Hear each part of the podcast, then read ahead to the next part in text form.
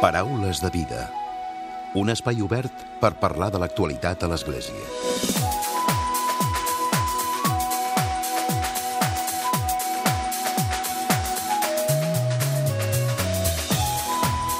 Salutacions i molt bon dia, molt bon diumenge. El mes d'octubre es farà el sínode dels bisbes dedicat als joves amb el lema Els joves, la fe i el discerniment vocacional. Des que el papa Francesc va anunciar aquesta celebració ja fa més d'un any, les diferents delegacions de joventut dels bisbats catalans han anat treballant i reflexionant per tal de portar la seva experiència a través d'un document preparatori. El papa Francesc deia en el seu moment que els joves han de fer sentir el seu crit. Avui volem conèixer com són aquests treballs preparatoris previs i ho farem en conversa amb el delegat de joventut de l'Arcabisbat de Barcelona, amb mossèn Bruno Berchez.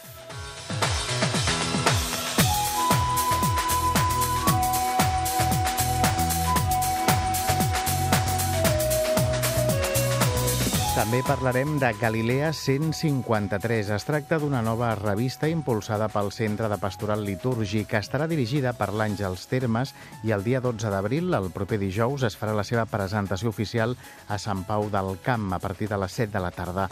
Avui us farem una avançada de com serà aquesta nova publicació i amb quin ideari neix. Ens acompanya aquí als estudis la seva responsable, l'Àngels Termes.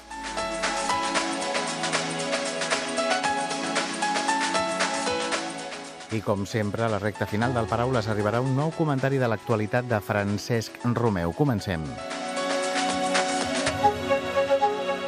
Paraules de vida. I saludem, donem la benvinguda a mossèn Bruno Berchez. Molt bon dia. Bon dia, Emili. Parlem d'aquest sínode que estarà dedicat als joves. De fet, el papa, com dèiem ara a la portada, ja fa mesos que, que va anunciar-ho i, per tant, s'ha començat a preparar.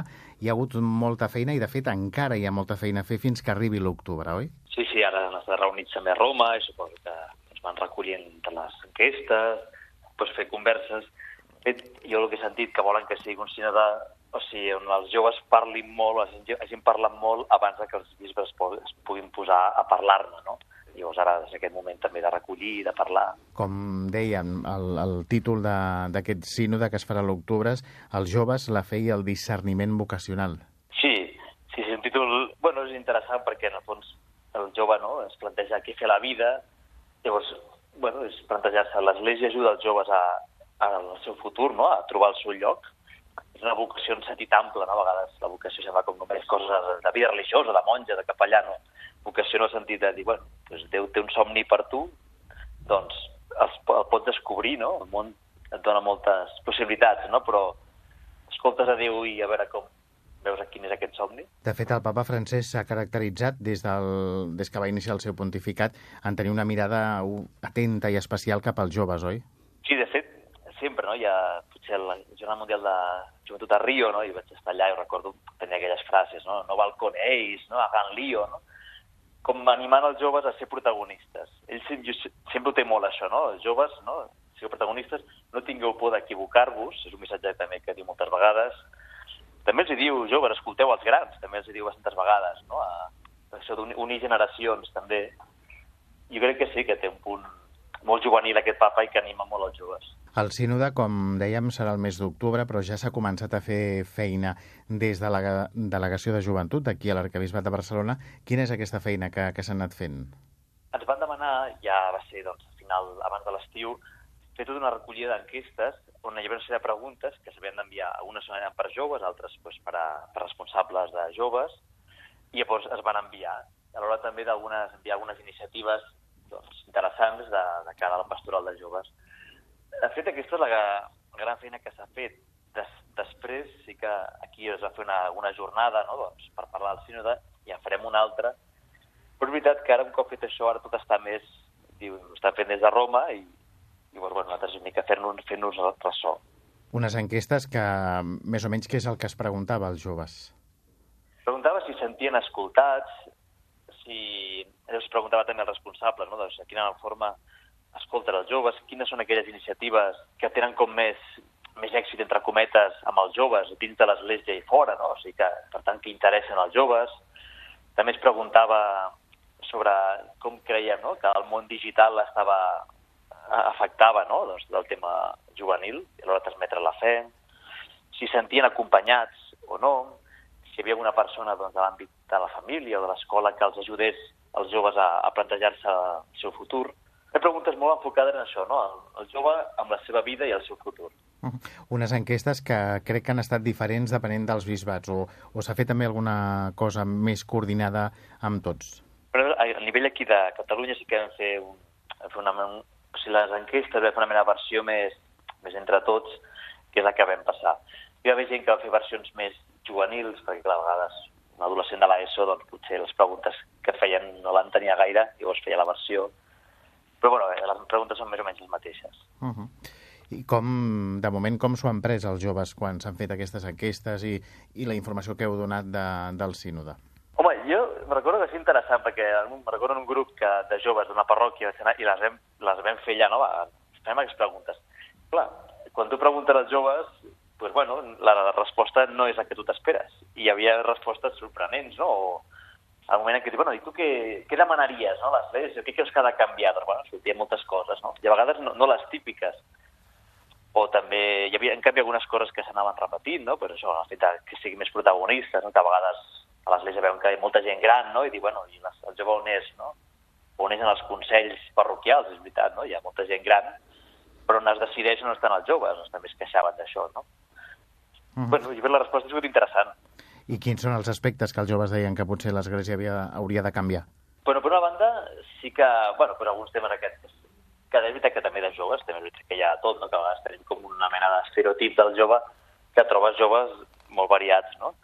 Hi havia joves que estaven molt contents de com es de l'Església, altres que no, altres que sempre els temes de moral apareixien, no? Oh, doncs a veure s'ha d'actualitzar, tal. També pareixia, però també pareixia sobretot molt aquest fet que se'ls deixés escoltar, o sigui, que se'ls deixés parlar, no? Uh -huh. També alhora també es remarcava, no?, doncs, que l'Església també, bueno, que sigui un lloc de, de pregària, un lloc que puguin, com que no sigui exactament igual que altres llocs, no? Mm -hmm. O sigui que, bueno, que per això van a l'església, no? No, van, no, no, no volen que l'església sigui el que, el que són altres espais no? que tenen ella ell. Tenim joves que són creients però també amb mirada crítica cap a l'església? Sí, home, jo crec que sí. Això no és dolent, això, al revés. És, crec que és bo... Bueno, és també això que, que si es demana l'opinió és perquè l'opinió no sempre... Bueno, és, la, és la seva, no? Llavors, per tant, uh -huh. jo crec que en aquest sentit sí que... El fet, el fet de demanar de fer l'enquesta ja estàs obrint una certa porta a, a que puguis dir coses que t'agraden, coses que no, per tant que et mostris crític també. Clar, que, pos, que es posi sobre la taula diferents temes, no?, i s'obri el debat. Sí, sí, sí.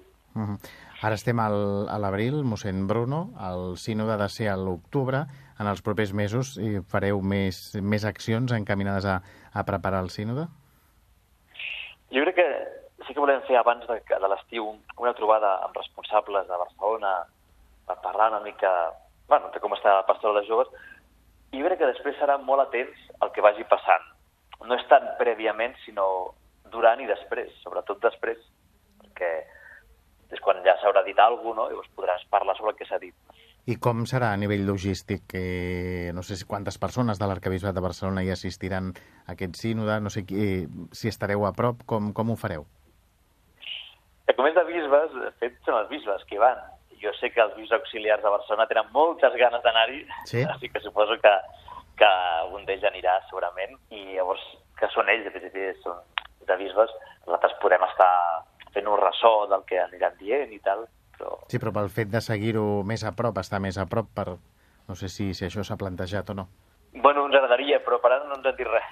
Uh -huh. Així que sí que potser, eh, no sé, alguna escapadeta farem quan sigui el sínode, però també es fan la porta tancada, o sigui, tampoc pot... La pastoral de, de joventut està prou activada, mossèn Bruno, en el cas de l'Arcabisbat de Barcelona? Home, ho intentem, ho intentem. Jo crec que el, és un moment maco, eh, a nivell i molta gent està, ha comentat a diferents realitats d'Església que no és un moment en què els joves no s'apropen a l'Església. No, no, no, no, sí que s'apropen.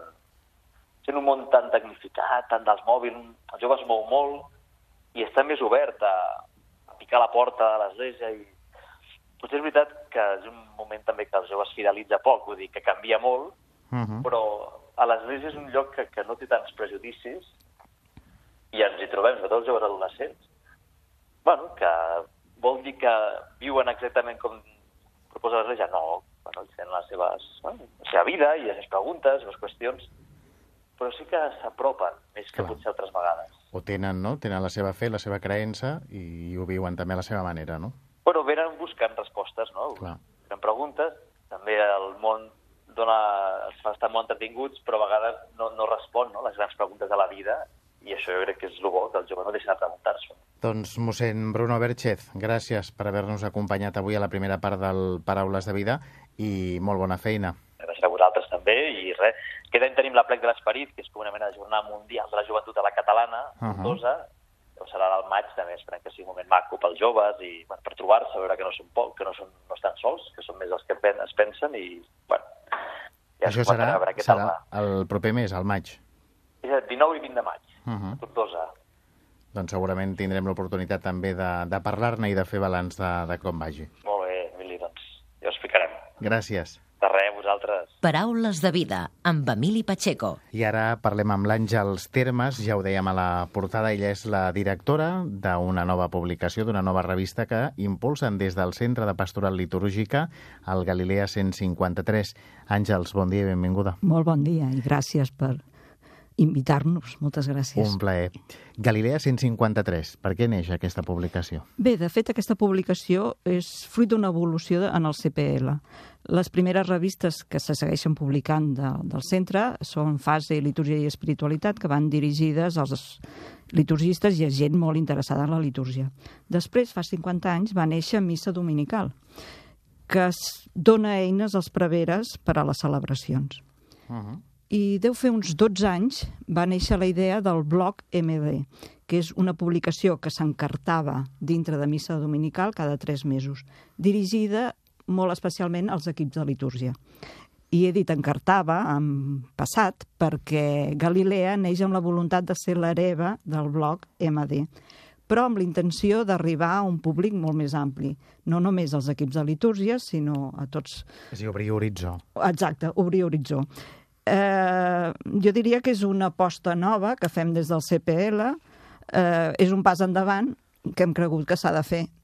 No sé si l'encertarem o no, però ens pensem que ara és el moment també dels likes. De fet, en el moment en el que, en els moments en els que estem, eh, fer-ho és de, de valents, no? De ser valents. Jo crec que sí, però estem molt il·lusionats I això és molt i important. ens hem de tirar a la piscina. Per què el nom Galilea 153? Sí, tothom ens ho pregunta.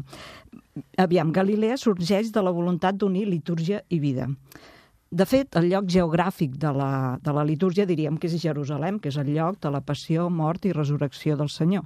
És a dir, del misteri pasqual que celebrem a cada, a cada celebració. Mm. Però la vida de, pública de Jesús passa sobretot a Galilea. I des de Galilea es van caminant a Jerusalem, on mort i ressuscita. I després, quan les dones van al sepulcre i troben la tomba buida, se'ls apareix un àngel o... i els hi diu aneu a dir als deixebles que vagin a Galilea que Jesús els hi va al davant. És a dir, Galilea és el lloc de la vida. Des de la vida arribem a Jerusalem, al lloc, diguem-ne, de la litúrgia, i de la litúrgia tornem a la vida, que és Galilea. És el que voldríem reflectir a Galilea, a la litúrgia i vida.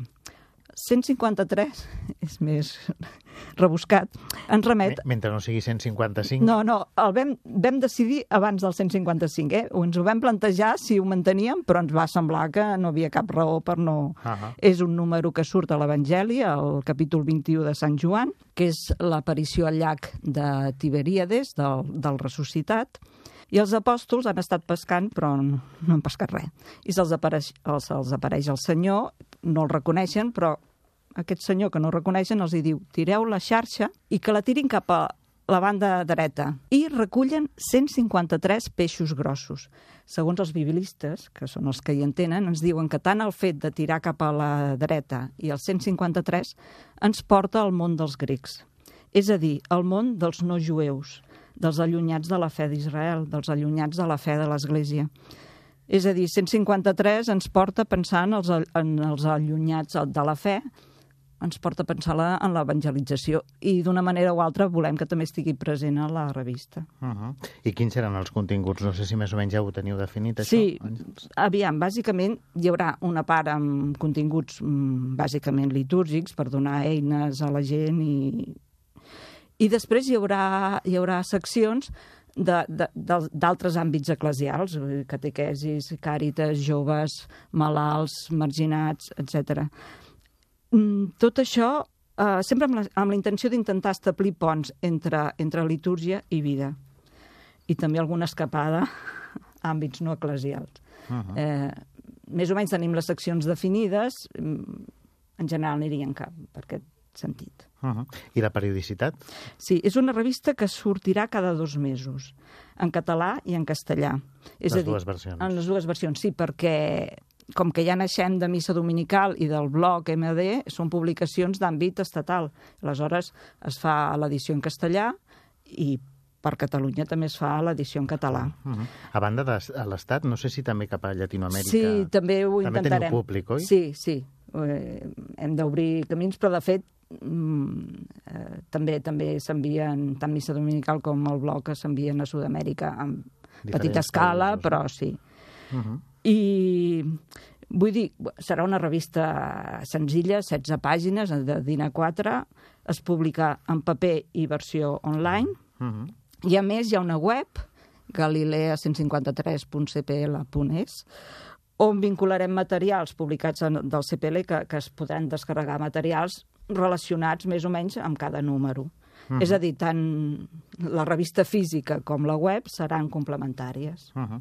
Tu n'ets la directora, però no sé quanta gent tens també, o l'equip del Centre de Sí, Pastoral sí. Litúrgica, com ho heu organitzat, Sí, això? de fet, eh, el Consell del CPL em em va, em va demanar ser la directora, però eh, amb, amb l'equip format per la gent que som a la redacció, que és, som la Mercè Soler, Quiteria Guirau, Maria Guarc, Toni Canal i jo mateixa, amb l'ajut de dos capellans, un en Joan Torra, que és de la diòcesi de Vic, i José Antonio Goñi de Pamplona. Ells fan una mica també la supervisió dels continguts? O... Mm, La veritat, a vegades diem que són els els fiscals, però no és veritat. Vull dir, treballem conjuntament, la veritat. Sí, dit el que més aviat per mi és, són un ajut, eh, perquè a vegades Molt hi ha valuós, coses que no? anem una mica perduts i són un ajut. Eh?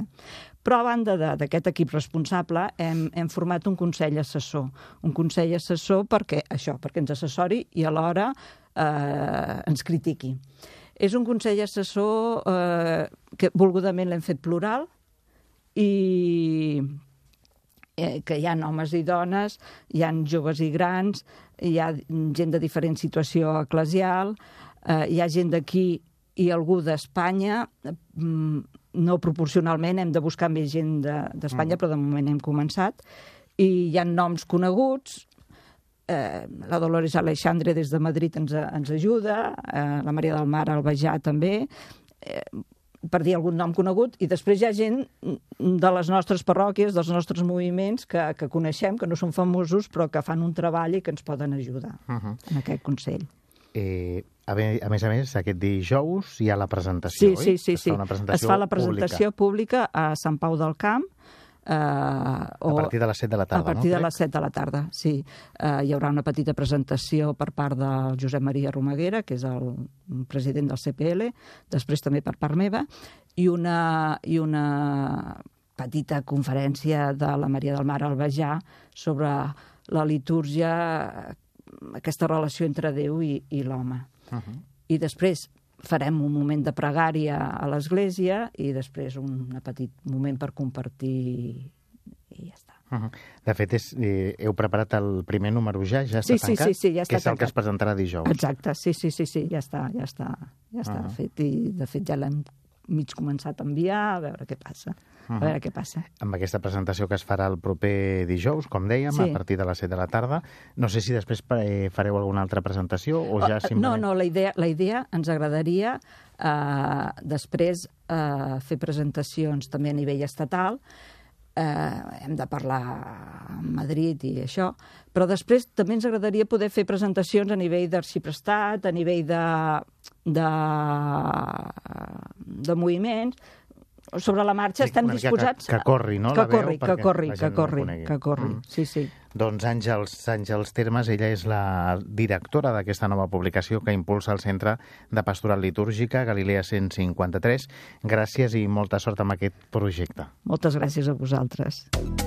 Paraules de vida. Un espai obert per parlar de l'actualitat a l'Església. I tot seguit arriba el comentari de l'actualitat de Francesc Romeu. Francesc, molt bon dia. Molt bon dia a tothom. Aquesta setmana, dimecres passat, es van complir els 50 anys de la mort del líder pacifista afroamericà Martin Luther King. El cap de setmana passat, per Catalunya Ràdio, vaig poder sentir la fina veu de la seva neta en un emotiu homenatge, llegint un text en el que repetia les grans paraules del seu avi «Tinc un somni». Aquesta setmana, segons publicava el diari El Punt Avui, un dia abans del seu assassinat, Martin Luther King semblava que estava predient la seva mort.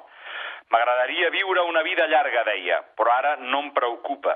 Potser no, serà aquí, no seré aquí amb vosaltres, però he vist la terra promesa, va dir en el seu últim discurs la nit del 3 d'abril del 1968 en una església de Memphis, a Tennessee. L'endemà, al balcó del segon pis del motel Lorraine, va caure mort per la bala que des de l'altra banda del carrer havia disparat James Earl Ray. L'assassinat de Martin Luther King va commocionar els Estats Units. La figura unificadora de la lluita pels drets civils de les minories, especialment els afroamericans, desapareixia, deixant orfes la lluita i l'activisme no violent que van canviar el país als anys 50 i 60 del segle passat. Avui en dia no hi ha cap figura clau que hagi heretat el llegat de King. La seva desaparició va significar el desmembrament de la lluita pels drets civils, la dispersió d'una lluita que havia aconseguit èxits com ara el final de la segregació i el dret al vot, i que esperava que l'impuls portés a la igualtat total. No va ser així. Les protestes van virar cap a l'oposició a la guerra del Vietnam i la pèrdua de King va diluir la força del moviment. Sense la figura del venerat reverent no es poden entendre els Estats Units actuals. Sense el triomf de la seva resistència i lluita pacífica, Barack Obama no hauria estat mai president dels Estats Units. Sense el seu somni, als peus del monument d'Abraham Lincoln a Washington, la segregació continuaria vigent. Però després de la seva mort traumàtica, que va despertar episodis de molta violència arreu del país, ni el context ni el moment històric van afavorir l'aparició d'una figura amb les mateixes mística i capacitat de lideratge. Segons diuen alguns experts, sense King, la lluita pels drets civils s'ha concentrat en uns focus molt concrets i amb objectius molt clars. Batalles de caràcter comunitari i local que, fortament canalitzades per les xarxes socials, busquen el canvi en aspectes puntuals, sense estar aixoplugades sota el paraigües ampli d'un líder unitari global com va ser King. Què en queda, doncs, de la lluita i la figura de Martin Luther King? Diuen que la seva estratègia de no violència continua movent la majoria de l'activisme d'avui en dia. Els Estats Units estan actualment en plena ebullició de protestes socials, en gran part per l'aterratge de Donald Trump a la Casa Blanca. La seva arribada al poder ha despertat una nova era de l'activisme en una societat que s'està adonant que perdura i manté el biaix racista i de desigualtat contra les minories i les classes desafavorides. Trump no és l'únic factor. Ja fa anys que el moviment Black Lives Matter s'ha convertit en una nova versió de la lluita pels drets civils dels afroamericans. Ni el racisme és l'única lluita. Tots els moviments actuals, des del Me Too, liderat per les dones, fins al Never Again, dels joves estudiants que volen control, control d'armes, passant per la revolució del Dreamer i de protestes per la violència policial, veuen directament de les línies mestres de Luther King. Un activisme actual basat en la no violència, manifestacions massives i gestos simbòlics no té altre origen que el moviment liderat per King el dels creuaments dels ponts i segudes en bars i restaurants que discriminaven pel color de la pell. No és casual que les últimes manifestacions massives portin per nom Marxa, emulant el nom de la gran concentració liderada per Martin Luther King al centre de Washington i que el va fer encara més cèlebre amb el seu somni d'uns Estats Units més igualitaris i sense racisme. El context actual augura que el moviment de lluita pels drets civils encara té molt recorregut. Només falta saber si tindrà èxit. En el camí no hi ha una altra ruta que la marcada fa més de mig segle per un jove reverent negre assassinat, aquesta setmana fa 50 anys, en un motel de Memphis. Recordem que els nostres líders polítics aquí a Catalunya ens demanen també de manifestar-nos pacíficament. Molt bon diumenge a tothom.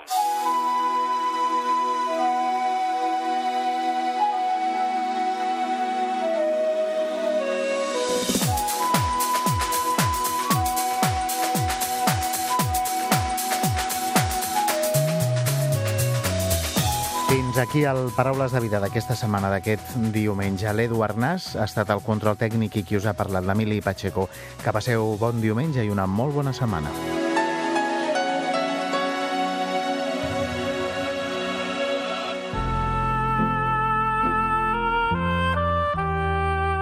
Us oferim la carta dominical de l'arcabisbe de Barcelona, Joan Josep Omella. Déu vos guard. Demà dilluns, solemnitat de l'Anunciació del Senyor, celebrem la jornada per la vida que aquest any porta per lema Educar per acollir el do de la vida. Aquesta jornada ens convida a rebre amb amor i confiança el do de la vida. Una vida que ens és regalada, sense que cap de nosaltres hagi pogut decidir quan neixem, on ni en quines condicions. Avui voldria compartir amb vosaltres una paràbola preciosa que circula aquests dies per les xarxes socials – explica que dins la panxa d'una mare dos nadons inicien un singular diàleg. Creus en la vida després del part? L'altre li diu, naturalment, hi ha d'haver alguna cosa després de néixer. Ximpleries. No hi ha vida després del naixement. Què et fa pensar que podria haver-n'hi? Suposo que si tenim ulls, cames i boca és perquè hi ha un món exterior amb llum per contemplar un espai immens que cal recórrer i l'infinitat d'aliments per menjar. Si no, per què els haurien de tenir? Hi ha coses que ara no comprenem. L'altre diu, això és un absurd. Tu només estàs creant una il·lusió esperançadora. Aquesta foscor és tot el que hi ha. L'altre diu, a més, per què creus que som aquí, flotant tan tranquils, totalment protegits? Qui ens alimenta? Hi ha una explicació. Tenim una mare que ens alimenta i que ens acull. Sí, i ara som dins seu, només pot ser així. I l'altre diu, bé, jo no la veig i per tant no crec que existeixi. I finalment l'altre li diu, de vegades, quan estic en silenci, l'arribo a sentir, percebo la seva presència i sento la seva veu afectuosa. A la llum d'aquesta paràbola podem afirmar que tot allò que no veiem amb els ulls i que no toquem amb les mans no existeix. Quantes coses ens enceguen i ens impedeixen veure la bellesa de les coses grans. Aprenguem a estimar i a respectar la vida. Cal respectar la vida del no nascut, ja que tenen dret a viure i a gaudir d'aquest món en què vivim nosaltres. Estiguem atents i oberts a veure els signes de la vida que ens esperen el més enllà. I permeteu-me una darrera reflexió. De tant en tant em trobo amb famílies que han adoptat nens i comparteixen amb mi la seva immensa alegria. No obstant això, també es lamenten de l'excessiva durada i de l'elevat cost del procés que han hagut de seguir abans d'arribar a acollir-los com a fills. Per això, en aquesta jornada per la vida, convido a treballar per un sistema d'adopcions més àgil, que aposti per la vida i superi tota temptació de convertir-se en un negoci econòmic. La vida no és un negoci. Per què adoptar és tan car i tan complicat? No seria possible oferir als pares biològics que no es veuen capacitats per acompanyar una nova vida un sistema àgil i senzill de donar les seves criatures en adopció? Vull donar gràcies pel do de la vida i demano que la intercessió de Santa Maria ens ajudi a superar les barreres que sovint es fan presents en la nostra existència. Benvolguts germans, que Déu ens beneixi a tots. Us hem ofert la carta dominical de l'arcabisbe de Barcelona, Joan Josep Omella.